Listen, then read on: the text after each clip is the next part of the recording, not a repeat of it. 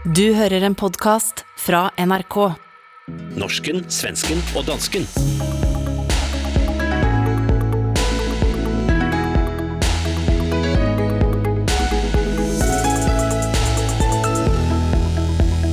Stefan Löfven går av som statsminister og partileder i november. Hvem skal overta?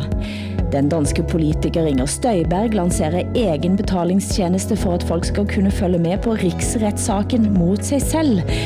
Mens det alle nordmænd mister nattesøvn av denne uken er, hvem i alle dager skal en stemme på? Skandinavisk politik har ikke ligget, ligget i stabilt sideleje i sommer. Det har imidlertid norsken, svensken og dansken, men i dag er vi endelig tilbage. Solbrune, blie, utvilte og med kropptoppen godt ned over navlen. Eller, eh, hvordan har vi det? Åsa? Jag är i Oslo. Jag sitter i en studio på NRK. Jag landade igår på Gardermoen för första gången på 17 månader och blev lite... Jag fick väldigt mixade känslor. Jag blev väldigt glad att vara tillbaka i Oslo. Och lite ledsen när jag såg alla butiker på Gardermoen, flygplatsen som är nedstängda och man har plockat ihop. Och mm. Det var lite som att gå igenom en spökstad faktiskt. Ännu? Ja. Jeg trodde Oslo nå var blitt uh, back to the vibrant uh, hovedstad i Norge. Ja, ja, när jag kom ut på Karl Johan såg allt ut som vanligt. Men Gardermoen var inte riktigt sig likt. Och det var inte Kastrup när jag var där för två veckor sedan heller. Det var väldigt nedstängt. Och Arlanda ser inte heller ut som man är van med. Nytt på nytt, du skal spille det ind i kväll. Det er altså norsk fredagsunderholdningsflaggskip. Har du nogen forventninger? Vet du, hvad du skal snakke om? Nej, men alltså, jag trodde att det var ett annat slags program. Jag trodde att det var ett seriöst eh, så här, debattprogram. Så jag läste in allt om oljefonden och någon sån här ryss, ryssdalsrapport, heter det så? så mycket har förberett mig att jag inte vet vad det heter ens. Och sen så fick jag höra att det, är, att det är ett joke-program, ett skämtprogram. Ja. Så jag fattar inte varför jag är inbjuden, för jag, är, jag är inte sån. Måske er du joken? Åsa? ja, det är mig ni ska skratta åt. Jag är det stående inslaget kanske. Så. Men Hassan, eh, hvordan går det med dig? Jeg har savnet jer to meget, eh, rigtig meget i løbet af sommeren. Mm. I lige måde. Det er dejligt at være sammen med jer igen. Eh, mm. Det har været en særlig sommer. Jeg har kun været i Danmark med min familie, som nu er blevet forøget med en baby, mm. som I ved. Mm. Og øh, vi har været i København og på Sejrø og lidt i nogle andre sommerhuse. Øh, men, men vi har slet ikke været ude at rejse, og det har jo været ret fantastisk ikke at behøve at rejse. Altså, der er jo et pres. Øhm, presset er jo, at min 11-årige datter lige efter sommerferien bliver bedt om at fortælle om sin sommerferie over i klassen. Og de andre børn fortæller normalt, at de har været i Paris, og så har de været øh, øh, øh, på Mallorca op i bjergene, og de har været i Fjernøsten, i Taiwan øh, og sådan. Men i år har der jo ikke været nogen konkurrence på det område, så jeg har jo slet ikke behøvet at rejse noget sted hen med min familie, fordi der var ikke nogen at konkurrere med.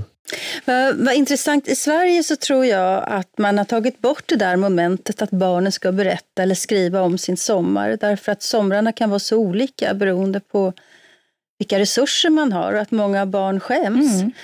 eh, över att de inte har kunnat resa någonstans. Men ni har alltså kvar det där i Danmark. Men vad skönt då att det har varit mer jämlikt den här pandemisommaren. Ja, for det er meget dyrt, at man skal leve op til det pres, ikke? Men det er ikke klogt. Man skal hele tiden finde nye ekstraordinære destinationer, som øh, man så kan imponere de andre forældre med. Mm. Øh, Ja, men, men øh, synes I ikke også, det var bemærkelsesværdigt, at, øh, at vi talte så meget om, hvordan jorden pludselig kunne trække vejret igen, fordi mm. vi ikke fløj så meget i flyvemaskiner rundt og sådan. Øh, og, og så pludselig så, øh, da de åbnede Mallorca, så kunne vi se, at, at alle de mennesker, som netop havde øh, øh, talt om, hvor godt det var, vi ikke kunne flyve, de sad så den samme uge på Mallorca. Mm. det, det, er jo, det er jo noget med en, en hukommelse, der øh, ja, eller en ko- kognitiv dissonans, mm. eller jeg ved ikke, hvad sådan noget hedder. Altså, jeg har eh, vel bestemt mig for, at jeg aldrig kommer til at slutte at fly. Eh, og jeg har jeg har, og jeg har været i Europa i, i sommer. Det var jo flom og elver som gik over breddene, og vand overalt, og, og regn. Eh, jeg var i Maastricht eh, i de ukene, når eh, da Tyskland, Belgia, deler av Nederland var fuldstændig under vand. Jag har också bilat då i Europa, norra, norra Tyskland bort till Calais. Eh, och jag var ju med om någonting då. Eh, det var så många europeiska medborgare som var så glada över att restriktionerna var hävda och att de kunde leva som vanligt. Och jag som svensk kunde ju inte vara med om det där riktigt för att vi har ju levt så pragmatiskt och fritt hela tiden. Så att det lyckoruset som andra människor eh, visade, det har jag gått miste om som svensk. Upptäckte jag. Och det var en ganska speciell känsla att ni andra har varit med om någonting som jag inte har varit med om. För att jag har levt ungefär som vanligt. Det har, jeg- øh, Åsa, jeg har læst din bog hen over sommeren. Din, din, då? din debutbog, Mig äger ingen. Mig mm. ejer ingen. Ja. Åsa, den er, den er fantastisk. Tack så. Jeg var Tack. så bevæget, øh, mens jeg læste den. Den handler om din relation til din far. Det er, øh, jeg er jo far til en datter, som jeg øh, elsker meget højt, ligesom din far tydeligvis elskede dig meget, meget højt. Øh, jeg, jeg, også nu, når jeg taler om det, så bliver jeg bevæget. Jeg synes, det var en Tak fantastisk bog. Øh, Jeg føler, jeg har lært dig lidt bedre at kende også. øh.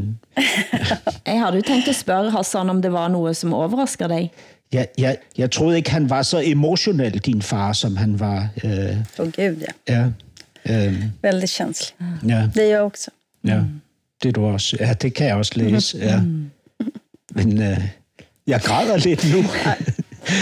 Ah, vi pratar inte om den där boken, det vill inte jag. Men tack Hassan. Men endelig er det altså kommet en ny kulturminister i Danmark, Hassan. Er du glad nå, for du var ikke særlig glad i den forrige, Jøj Mogensen? Hvem er den nye? Jamen, hun hedder uh, Ane Halsbo, um, og er selvfølgelig også socialdemokrat, ligesom den tidligere øh, kulturminister Ane Halsbo Jørgensen hedder hun.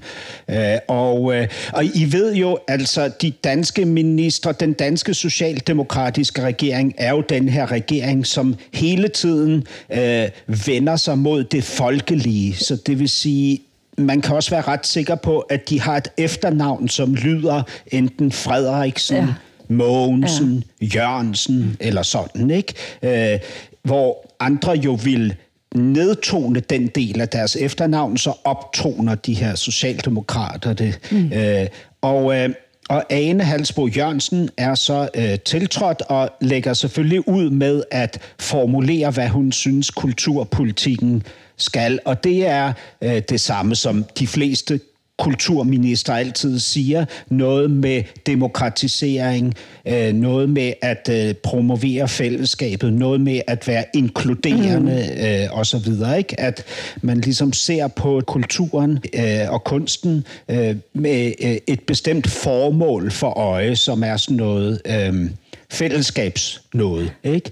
Øh, og det er jeg jo ikke specielt glad for, fordi jeg, mener, jeg mener, at kunsten skal det modsatte. Mm. Jeg mener, at kunsten skal gøre os opmærksom på, hvem vi hver især er som individer, og give os styrke øh, og mod til at rive os fri af det frygtelige fællesskab. Ikke? Men det ville jo ikke været et socialdemokratisk kulturminister, det hører du jo selv.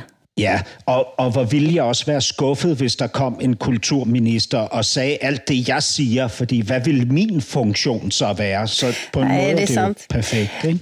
Men jag, jag funderar över, vi har ju, i Sverige så är ju kulturministern också demokratiminister och det har jag ju eh, eh, skrivit mycket om att jag tycker att det blir väldigt knepigt för jag tycker precis som du Hassan och kanske förmodligen som du Hilda också att, att eh, kulturen har inte det uppdraget utan kulturen ska, ska stå fri och slå åt alla håll.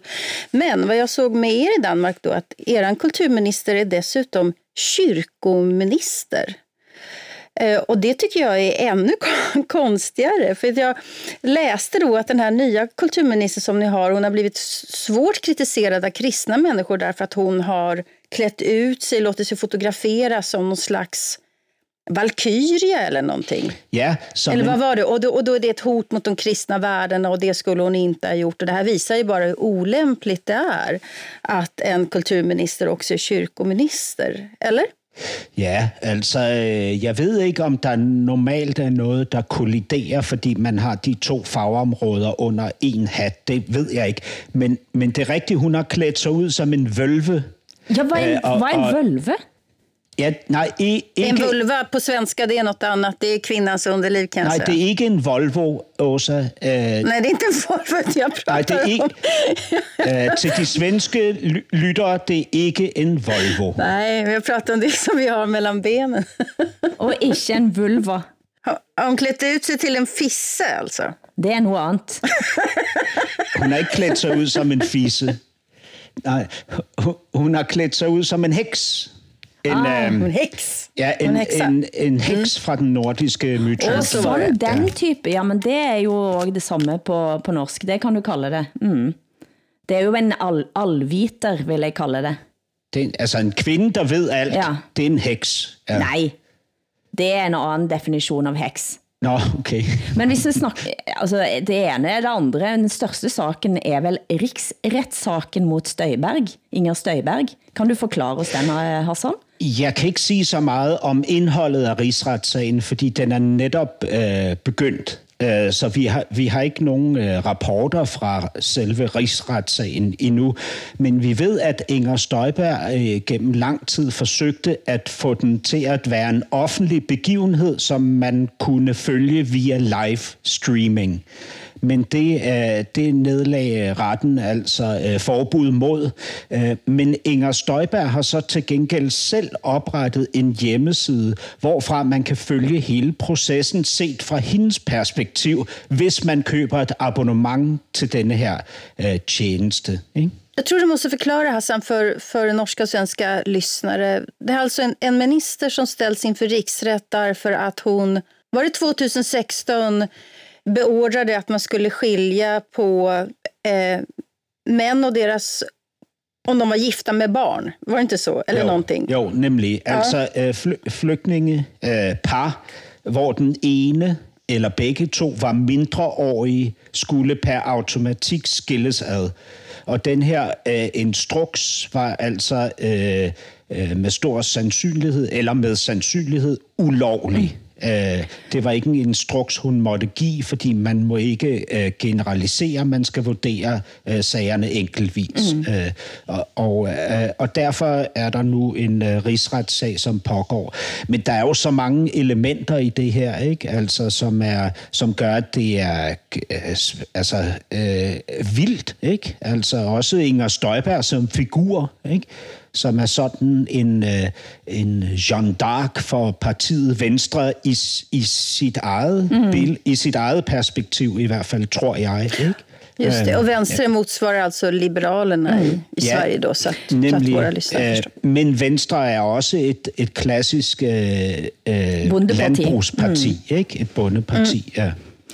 Ja, og hun har jo en stor base fremdeles i Jylland, sådan som jeg forstår det. Men i Norge så er det altså Fremskrittspartipolitiker Sylvie Listhaug, som nå har gått ut og sagt, at hun vil støtte Inger Støjberg selvfølgelig. Og det gør hun, fordi Inger Støjberg i løbet av eh, kort tid introducerte 100 regler for at stramme ind på asyl- og indvandringspolitikken, som blev fejret med en stor kake og masse lys.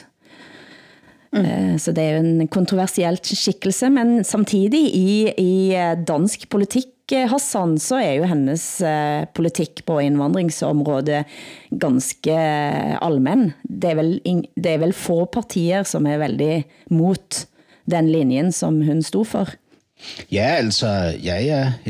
Ingen tvivl om det. Der er vel stort set ikke nogen partier tilbage, som ikke vil føre det, som man i hvert fald i Sverige vil betragte som en enorm meget stram udlændingepolitik og flygtningepolitik. Så det, det er rigtigt. Altså, Øh, men det er jo ikke det, det handler om, denne her rigsretssag. Den handler om en ulovlig instruks. Den handler ikke om et ideal. Du hører norsken, svensken og dansken i SR, DR og NRK. Søndag for to uker siden detonerte en politisk bombe i Sverige.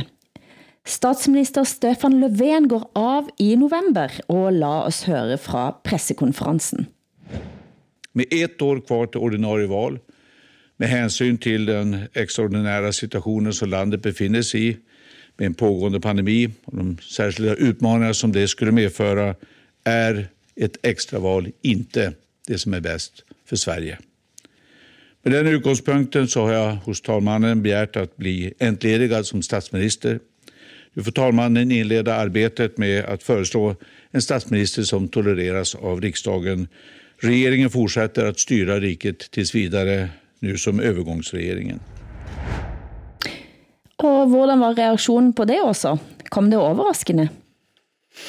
Ja, det kom överraskande eftersom det är bara ett år kvar till valet. Eh, och då är det ju ovanligt att en partiledare och statsminister avgår. Men eh, det var en stort nedlag för Stefan Löfven i somras när han blev nedröstad i en missförtroendeförklaring i, i riksdagen. Mm. Men eh, Socialdemokraternas problem som regeringsparti de, de fortsätter ju även med en annan partiledare och statsminister. Det, de har ju ett knepigt eh, parlamentariskt läge. Ja, och hur ser det egentligen ut nu? Ja, alltså Socialdemokraterna regerar tillsammans med Miljöpartiet och de stödjer sig på ytterligare två partier och som är varandras motsatser. Det ena är Socialistiska Vänsterpartiet och det andra är det nyliberala Centerpartiet. Mm. Och Centerpartiet ställer krav på Socialdemokraterna. Socialdemokraterna ska inte få förhandla med Vänsterpartiet. Det är ett ganska märkligt krav faktiskt som Socialdemokraterna också har gått med på. Att de framstår ju som oerhört svaga, mm. Socialdemokraterna i det här. Och eh, det kommer ju den som tar över också få ärva. Och vem tror du det kommer att bli? Ja, det finns just nu bara ett namn och det är ju Magdalena Andersson som är finansminister. Hon har ännu inte formellt tackat ja, men det är väldigt säkert att det blir hon. Hon är ju en del av det problem som många tycker eh, att Socialdemokraterna brottas med, nämligen den här eh, 73-punktsuppgörelsen som kallas för januariavtalet som gav väldigt mycket åt Centerpartiet och som har retat upp väldigt många partimedlemmar och socialdemokratiska väljare. Og, og her må jeg skyte ind eh, for eh, særligt norske, men sikkert også danske lyttere, at Centerpartiet i Sverige er et eh, liberalt parti i, mange, i økonomisk politik særligt. Nyliberalt parti med røtter på landsbygden, det er mycket märkligt parti. Är det. Mm. Finns det andra kandidater än eh, Magdalena Andersson? Nej, det gör inte än, men jag tycker att flera borde ställa upp bara för att de ska få en ideologisk diskussion i partiet. För, för att välja partiledare, att välja vägval. Vad ska det här partiet stå för och vad vill vi med Sverige? Om det bara är en kandidat så blir det inte så mycket diskussion. Så jag önskar ju att oppositionen som ändå finns och välorganiserad, som, som Daniel Suonen till exempel, skulle ställa upp vem är det? Han eh, är den som identifieras med Socialdemokraternas eh, vänsteropposition kan man säga. En väldigt karismatisk person. Jag ska också säga det, det är en person som jag känner så att jag vill inte sitta här och göra reklam för honom. Men rent principiellt så tycker jag mm. Eh, att det vore bra för Socialdemokraterna med flera olika partiledare. Jan Emanuel också kan jag säga, den här dokusåpafiguren som eh, har blivit mångmiljonär på att äga vårdbolag. Han säger ju att han ställer upp. Det kan man tycka är ett joke, men, men eh, varför inte? Alltså, jag vill ha naturligtvis inte honom som, som statsminister, men jag skulle vilja ha flera kandidater i alla fall. Du har ju varit upptatt av Mette Fredriksen eh, på ett annat vis än Hassan i dessa sändningarna, men vem står närmast henne i Sverige? Oj, Nej, det gör ingen. Det finns, finns ingen svensk politiker som liknar Mette Fredriksen. Varken när det gäller, eh, ja, framförallt inte när det gäller den här eh, asylpolitiken, att man ska skicka folk till Rwanda och sådär. Det finns inte.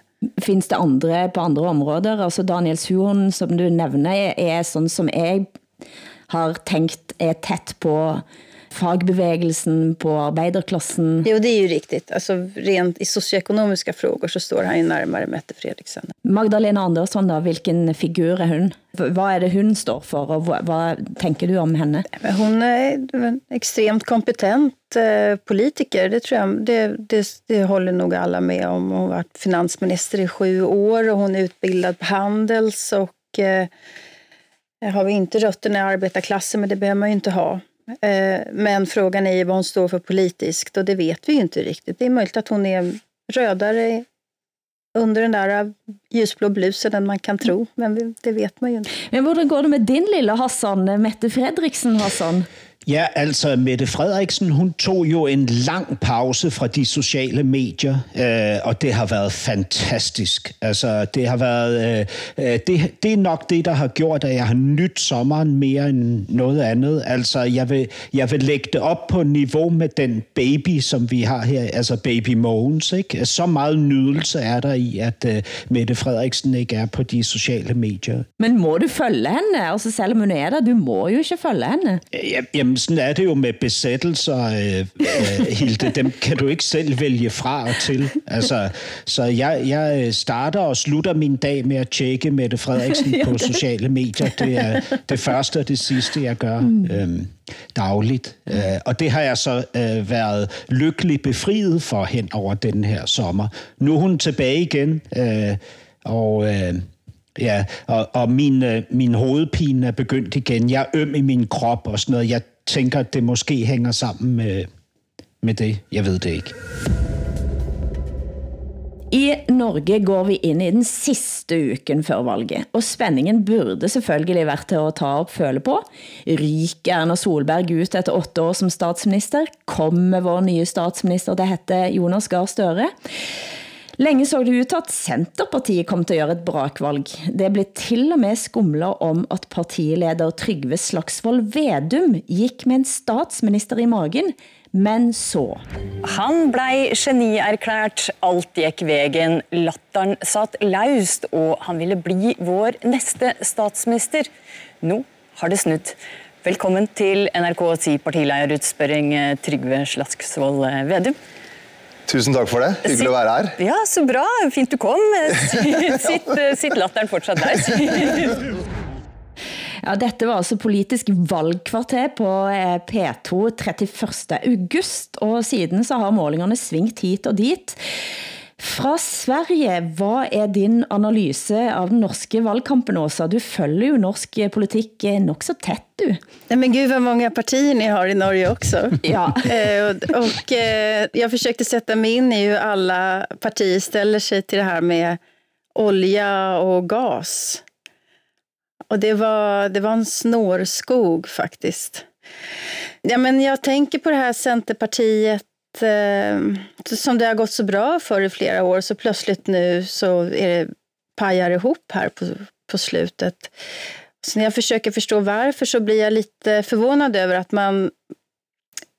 Är det inte så att man beskriver... För att, för att de som inte vill att borgerliga väljare ska rösta på Centerpartiet, mm.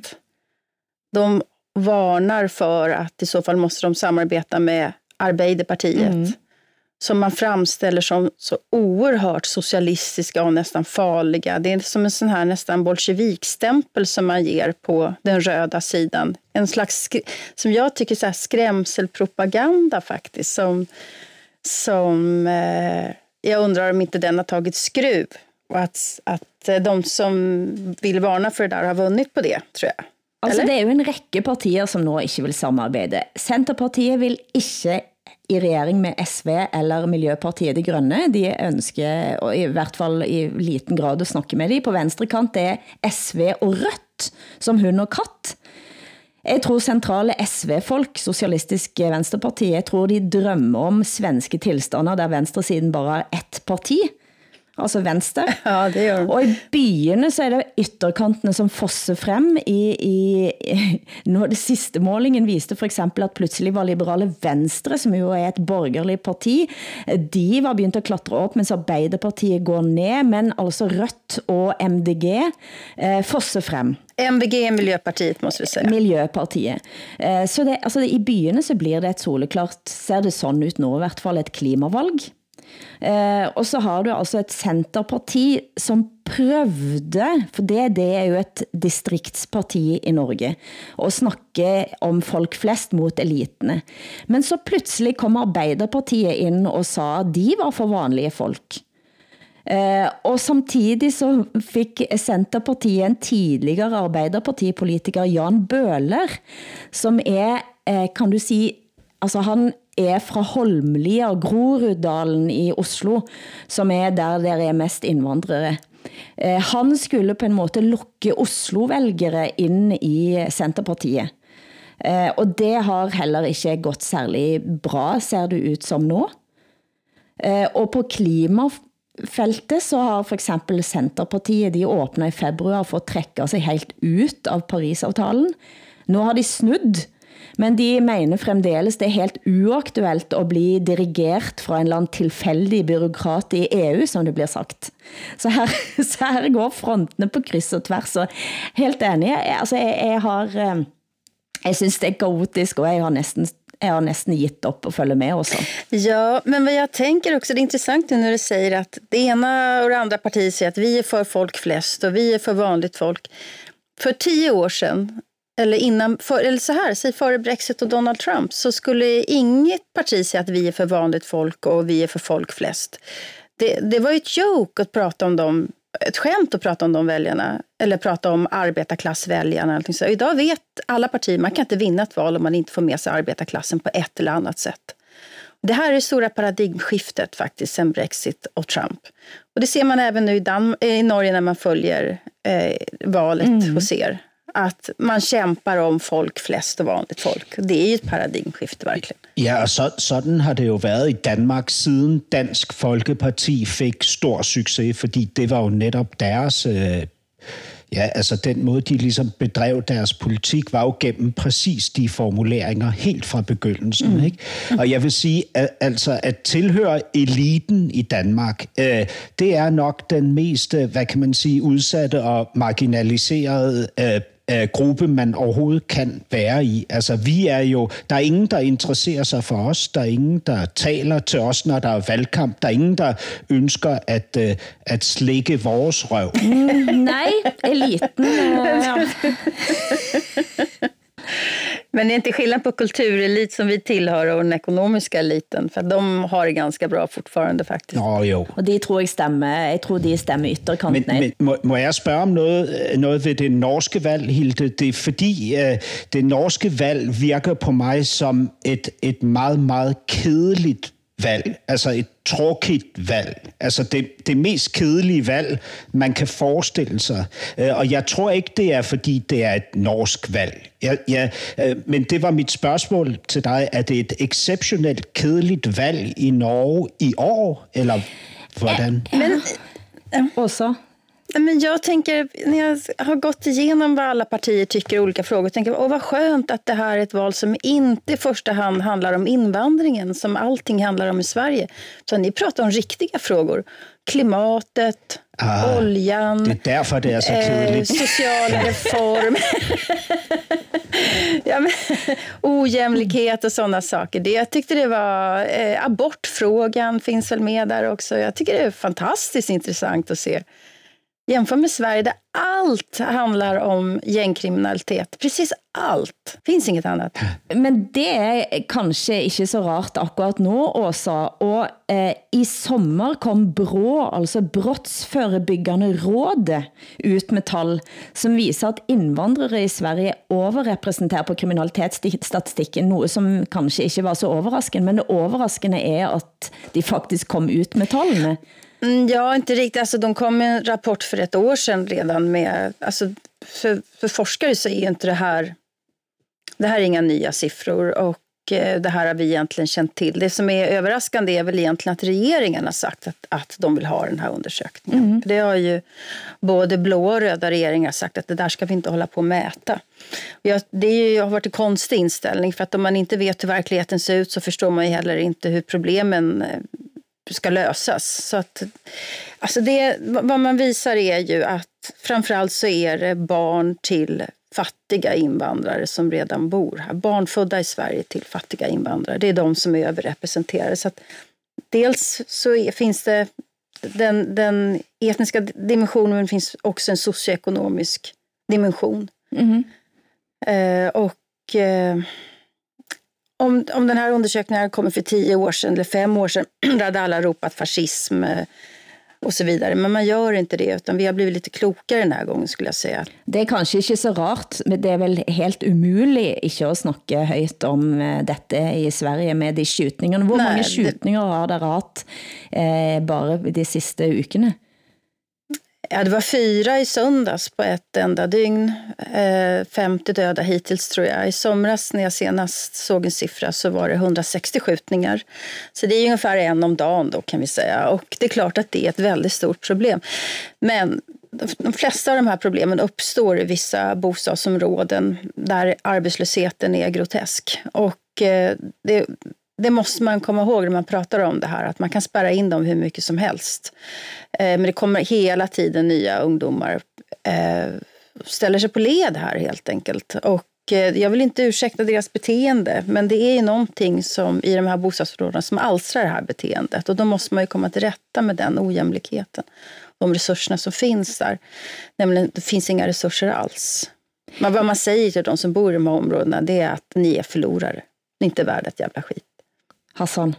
Altså, vi har jo øh, i Danmark er det, er, har højesteret netop øh, bekræftet øh, landsrettens og byrettens øh, afgørelse om, at øh, banden Loyal to Familia er forbudt. Altså øh, en øh, indvandrerbande, den største og mest aktive indvandrerbande, hvis, øh, hvis leder i øvrigt er blevet udvist øh, og øh, er samme højesteret efter en, en langvarig proces. Øh, altså øh, indvandrerkriminalitet øh, og forbindelsen mellem øh, de to ting er jo noget, vi har øh, talt rigtig meget om mm. i Danmark, også øh, på den konfronterende måde, altså den måde, som er meget ubehagelig at tale mm. om det på. Ikke? Øhm, og det er jo, altså jeg synes, det er så fortvivlende, hvordan det ligesom øh, her i, i mit kvarter Nørrebro i København, der var der for nylig en, øh, en mangfoldighedsfest øh, på Blågårds Plads, som er en, en kendt øh, plads, som netop øh, står for mangfoldighed øh, og så videre.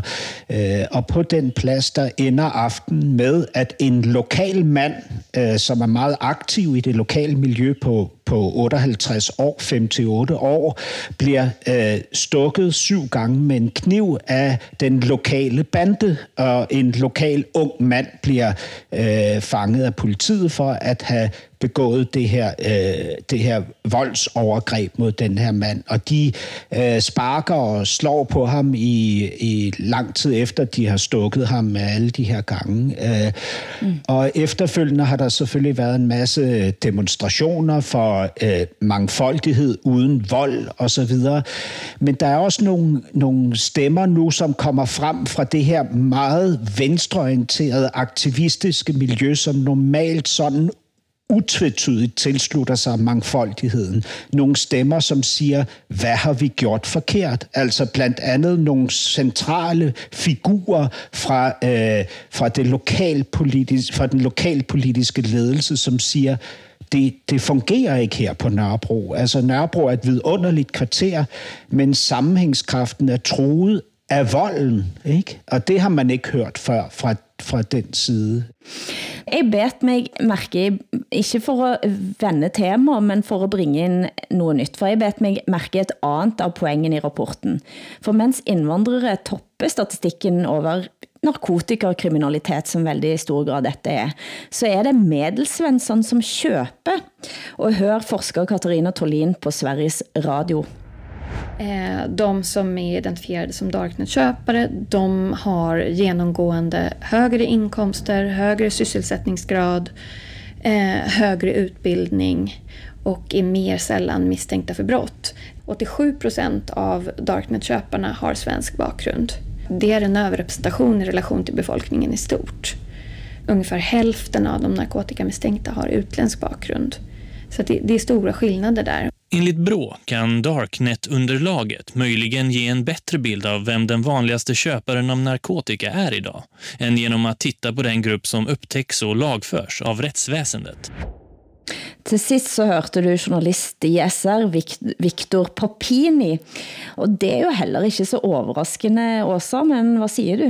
Nej, det är inte överraskande, men det är viktigt att, eh, att det sägs så att man påtar de här asymmetriska relationerna i knarkhandel och, och eh, eh, vem som knarkar. Vi hade en inrikesminister som hette eh, Anders Ygeman förut där han sa att alla har ett ansvar som drar en lina. En kokainlina rätt och slätt. Kokainlina, ja. Och det blev han ju naturligtvis kritiserad för att han, att han Mm. Jag vet inte vad, det är så mycket dum kritik i Sverige överallt åt alla håll. Men, men det er klart at det her hænger ihop. Nej, for da jeg så det, eh, så fik det mig til at tænke på journalisten og krimreporteren Peter de Vries, som blev skudt i Amsterdam i sommer. Han havde jo jobbet i mange år med at afdække kriminalitet og på dette område, og det var selvfølgelig et chok at han blev skudt av det som ser ut til at have været marokkansk mafia i, i Amsterdam. Men sociale medier rant over av sorg og sinne fra den hollandske eliten, og helt en kommentator da, skrev et knallhard kommentar om at op til flere av de som hun så nå kommentere og sørge online, havde hun sett snorte kokain på byen. Og hun skrev at hvis de virkelig mente det de skrev, så måtte de gå i sig selv hun gav de rett og slett skylden for det som havde skjedd med De Vries. Og jeg har tænkt mange gange i løbet av sommeren at vi er kommet ind i et samfund der det er en veldig tynn linje mellem under- og oververden i dagens samfund. Altså vi fides av hverandre, og serien Exit, som vi har snakket om flere gange, viste jo netop det. Helt sikkert. Altså i Danmark er det jo dokumenteret, at det, at det største kokainmisbrug, det foregår på de gymnasier, som ligger helt specifikt i overklassekommunerne øh, omkring Gentofte. Mm. Ikke? Så der er, altså, det, den, den øh, forbindelse er, altså, er så tydelig, som den overhovedet kan være. Ikke?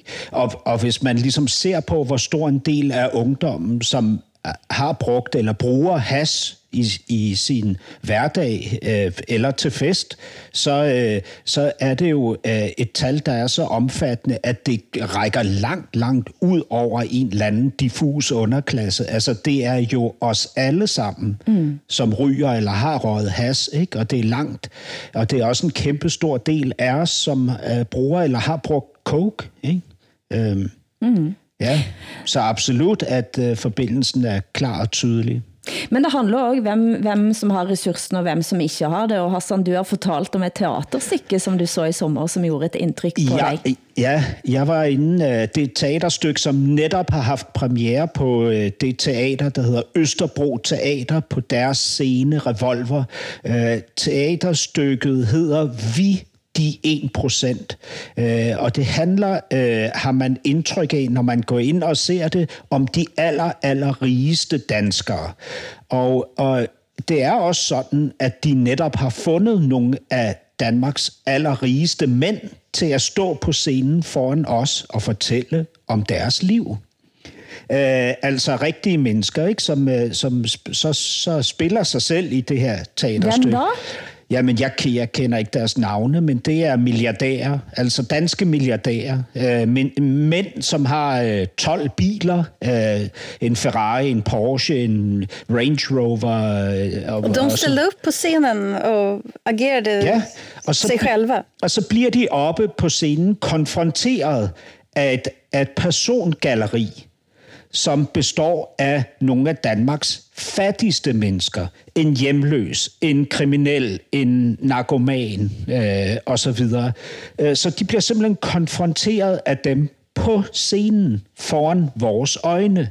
Og det her spil, det ser vi så øh, udspille sig øh, mens vi sidder blandt publikum, og vores sympatier er jo tydeligvis med de svage, de fattige, og ikke med de rige, og vi synes, at de er øh, i virkeligheden uansvarlige mennesker, som har så store formuer og sådan noget, indtil forestillingen på et tidspunkt vender. Mm. Og så er det publikum, som er i centrum. Så er det mig og mine ressourcer. For det viser sig selvfølgelig, at jeg er den ene procent. Altså jeg med det liv, jeg lever i et af verdens rigeste lande i denne her tid på den måde. Ikke?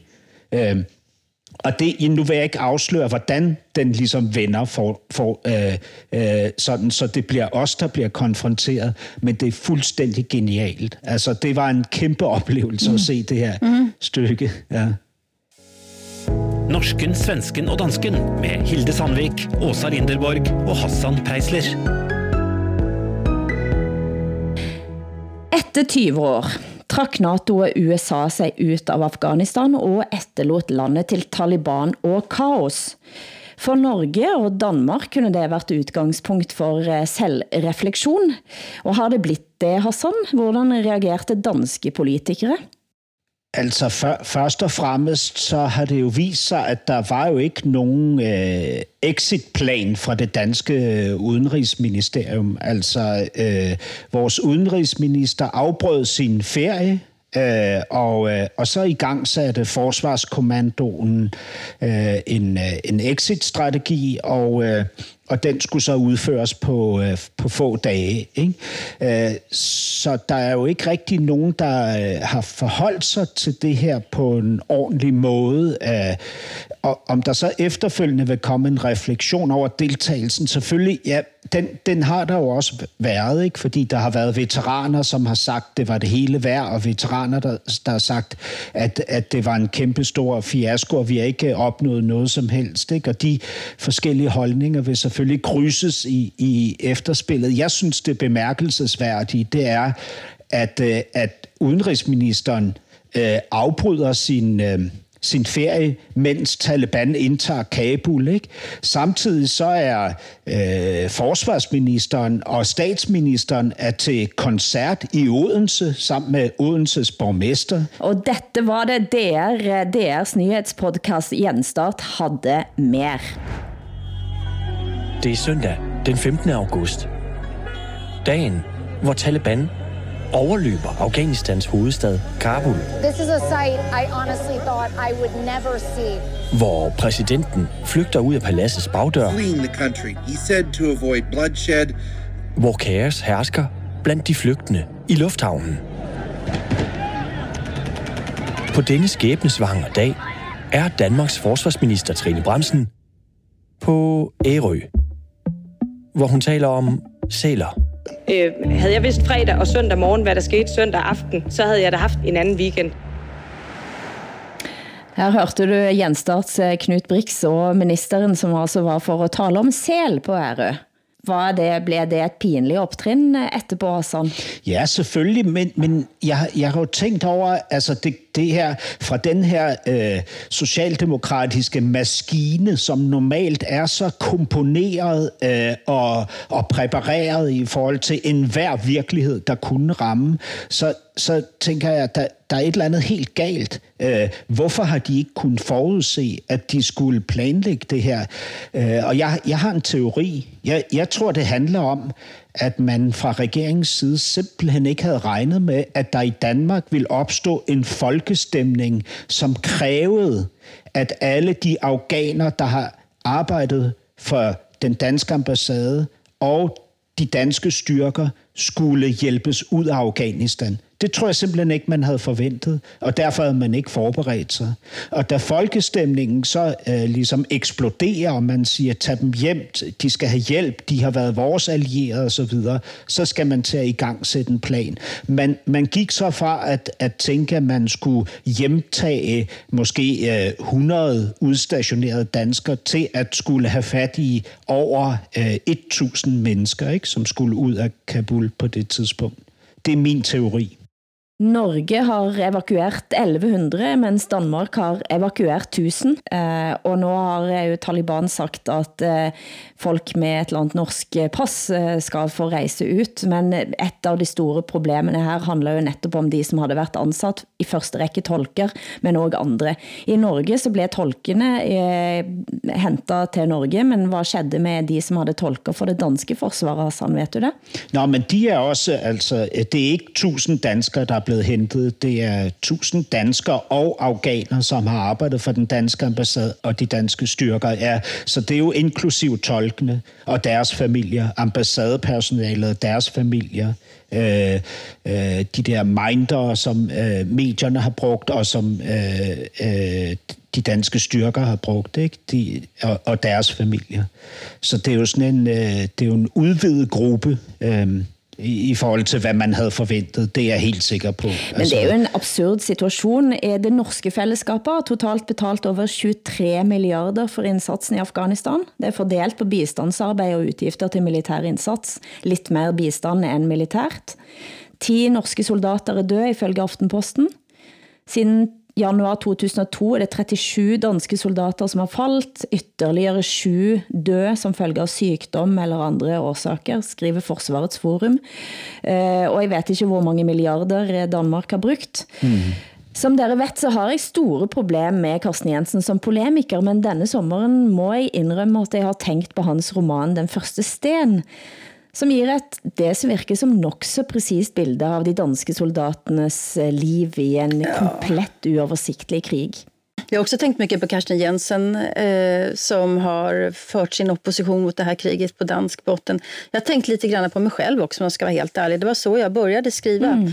i Aftonbladet och blev en offentlig person. Det var att jag som en av mång, alltså mycket få personer i Sverige ifrågasatte det här kriget överhuvudtaget. Och det som gör mig förbannad faktiskt, ärligt talat, det är att, att samma människor som i Sverige tyckte att det var en bra idé eh, att USA skulle gå in där och sen att Sverige skulle hjälpa till. Samma människor nu lägger eh, liksom pannan i kors och säger att det här var ingen bra idé och det här har inte fungerat. Det är som att, vi inte, som att folk inte har något minne vem som har sagt vad. Och det där, kan, det där kan irritera mig också, att man säger att krig, kriget med, blev misslyckat därför att USA misslyckades med det där. Inte för att det, inte för att det är fel att med den här typen av, av eh, ingrepp, eller för att uttrycka det milt. Det är som att vi inte kan diskutera principer som principer. Alltså vad är en folkrätt och vad är möjligt att göra och kan man bomba fram demokrati och var det verkligen det som var avsikten? Att det, är så, det är så svårt att prata om det, utan det finns bara egoistiska intressen i det i Afghanistan. Och, men ni har i alla fall haft era två stora rapporter i Norge och Danmark om vad mörkläggningen och vad folk har fått veta och inte veta och så vidare. Vi har inte haft det i Sverige. Sverige har varit helt omöjligt att prata om den här frågan överhuvudtaget. Ni har ju ändå haft öppna spjäll på ett annat sätt skulle jag säga. Ja. Men hvor har Sverige egentlig varit i, i krigen? Vi har ingått i den här uh, ISAF-styrkan som har varit i de mer säkra provinserna. Fem soldater tror jag det är som har, har dött. Det är fem för mycket. Mm. Är det. Och det som förvånar mig också är att, att, eh, att alla är så förvånade över att det var så lätt för talibanerna att ta över. Ja. Det finns ju många förklaringar till det faktiskt. Alltså, jag, jag kan inte ha ett så... Øh enkelt billede på den, øh, og i virkeligheden heller ikke andre krige, som, øh, som det, du, øh, det, du giver her, Åsa, fordi jeg synes, det, det indeholder enorme kompleksiteter. Altså, hvornår og, og hvor langt skal vi gå for at øh, tillade regimer, som begår folkemord, for eksempel? Æ, skal vi simpelthen sige, jamen, det er ikke vores, øh, det er ikke vores plads at blande os i det her? Saddam Hussein, mm. som, øh, altså, som dræbte øh, som begik folkemord inden for sin egen nation. Skal man lade ham være i fred? Mohammed Gaddafi, som begår øh, øh, voldsomme kollektive overgreb mod... mod øh... Jag håller med. Det här, det här är ju svårt. Därför att, men, men vi har ju inga exempel på att det har blivit bättre efteråt. Det här föder extremism. Det är det som är, det är, det som är problemet. Att alla de här exemplen som vi drar upp här har ju fött mm ny, ny extremism. Och så är det bara en, en spiral. Och det, det är svårt egentligen att prata om de här frågorna utan att framstå som oerhört cynisk eh, och säga att det där kan vi inte göra någonting åt, det där får de, där får de lösa själva, etc. etc. Men, men de metoder som västvärlden har använt hittills har inte fungerat. Og det er jo den store fallitterklæringen, som, eh, som vel mange sitter og slikker sine sår for akkurat nå, at det er pinligt. Det det er pinligt at være Det er vestverden pinligt. nu. Ja, men, men altså, prøv at høre, vi, jamen, jeg, jeg, jeg, vi kan ikke skildre det så enkelt, altså, fordi så, jo, hvis vi siger, at dette er et punktum i historien, men der er ikke noget punktum i historien, der er kun kommaer, ikke? Og vi har jo været med til at få skabt en mere tålelig situation gennem 20 år for nogle øh, befolkningsgrupper og for nogle øh, dele af det afghanske samfund, som ikke havde en chance før, da øh, man rykkede ind. Men det er, ret, det er retretten, jeg synes er problematisk. Altså enten så, enten så rejser man der, og så bliver man der. Eller så drar man aldrig. Jamen, Eh, Det er i hvert fald et enkelt synspunkt. Eh, Men det er, altså det er jo den retretten, som er nå en frygtelig katastrofe, og hvis du tænker også at NATO blir, altså, de har etterladt sig mili- militært udstyr for mange milliarder ret i hændene på Taliban. Eh, For ettertiden så er det, vil det være en ganske interessant fortælling at læse videre. Ja, det är en så stor tragedi alltihop på alla håll. Alltså det, är, det är fruktansvärt. Men jag skulle ändå vilja att man kunde ställa folk till svars för det här. Ni har ändå försökt i Norge och Danmark med rapporter som har varit oberoende utformade. Det har ju inte vi i Sverige, inte än i alla fall. Nå må vi bryte op med noget helt andet. Nyhedsmæssigt har denne sommeren ikke akkurat været tørketid. Vi er fyldt av et tungt alvor om dagen, som har sildret gennem dagens program, men nok en gang er vi reddet av danskene. Hør her. Hvor langt skal jeg egentlig hive den her op, før du ikke kan koncentrere dig mere? Til den hele dag, måske. På Fjerdehøjskolen i Vejle Kommune er det blevet forbudt for eleverne i udskolingen at gå med crop top.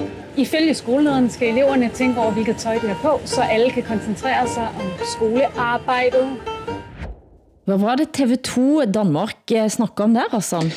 Ja, det handler om, at en øh, jysk skoleleder har forbudt crop tops på sin skole, og det betyder, at øh, unge piger øh, ikke på hans skole må gå i det, som vi på dansk også kunne kalde mavebluser, altså bluser, som, som slutter sådan øh, over navlen og derved efterlader et bart stykke mave. Øh, argumentet fra skolelederens side var, at øh, drengene på skolen ikke kan koncentrere sig om undervisningen, når pigerne går rundt med bare maver. Det låter som det är lärarna som inte kan koncentrera sig. Så är det inte att unders underkänna unga drängar, deras pojkar, deras eh, självkontroll, eller? Så er der jo kommet et, et, øh, altså en shitstorm øh, i retning mod øh, skolelederen. Hele øh, den københavnske kultur- i medieelite har rejst sig og øh, taget billeder af sig selv i crop tops og lagt dem ud på de sociale medier. Så den her skoleleder øh, er blevet øh, læst og påskrevet godt og grundigt, og hans bestyrelse har omgjort hans beslutning, så på den jyske skole må pigerne alligevel godt gå i mavebluser.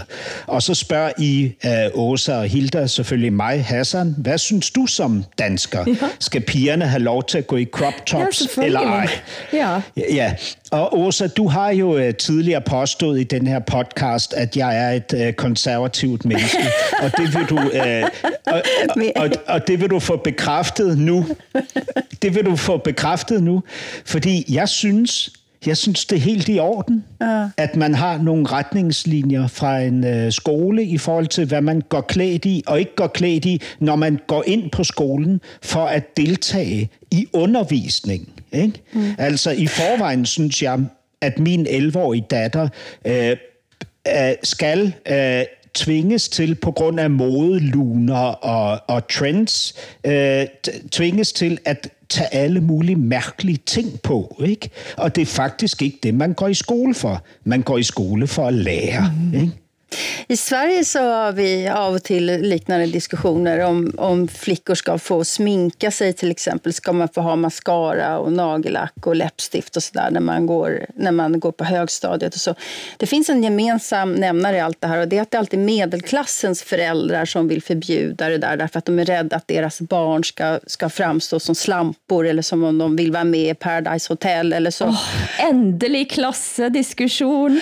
ja, det finns en klassaspekt aspekt i det här. Och vi har ytterligare en, för det är ganska ovanligt att man är, går på pojkar hur de ska vara klädda, men en skola i Göteborg för ett år sedan, de ville förbjuda mjukisbyxor och sen så sån här magväska där man, för man ser ut som, man säljer, eh, som en drug dealer, som att man säljer knark. Det är en slags sån utstyrsel som knarklangare har. Den här rädslan för underklassen den var så himla tydlig där. Jag tycker att det tillhör yttrandefriheten att få vara klädd som man vill. Och det säger också den svenska skollagen faktiskt. Alternativet är kanske, och jag menar det, skoluniform, det har jag funderat på. Det kanske är någonting som man skulle ha istället. Helt klart. Mm. Alltså det, det vill vara mitt val. Ikke? Tilbage till skoluniform. ja, det är möjligt. Mor morgensang. Nej. Og man rejser sig op, når læreren træder ind. Jo, jo, så absolut. Nej, men Hassan. jo, og så, og så kan de synge det der, uh, hey, teacher, leave us kids alone. Så kan de sy synge alt det der igen. Ikke? Det er vel nå jeg kommer trækkende med, altså det burde kanskje vært bunad. Ja, just det. Bunadsuniform. Bu bunad og silver, silverkniv som altså, Hilde går rundt med. Og så skal de begynde at gå med dolk i, dolk, dolk i, i skolen. Uanset kropptopp eller ikke, det er på tide at sige I do, I do, I do, I do, I do til os selv, dere lyttere, som det er så herligt at være tilbage til. For nå tyder alt på, at selveste ABBA er på vej tilbage. Nettene kommer til fyldes av skingrende allsang, velur, glitter og diskokuler. Vi er producent Tobias Ness, Åsa Linderborg i Oslo denne gangen, Hassan Preisler i København. Mitt navn er Hilde Sandvik. Vi høres igen i næste uke på radio eller i en podstrøm når som helst. For vi bare... If you change your mind, take a chance, I'm the first in line. Honey, I'm still free. Take a chance on me. If you need me, let me know. Gonna be around. If you got no place to go when you're feeling down. If you're all alone, when the pretty birds have flown, honey, I'm still free. Take a chance on me.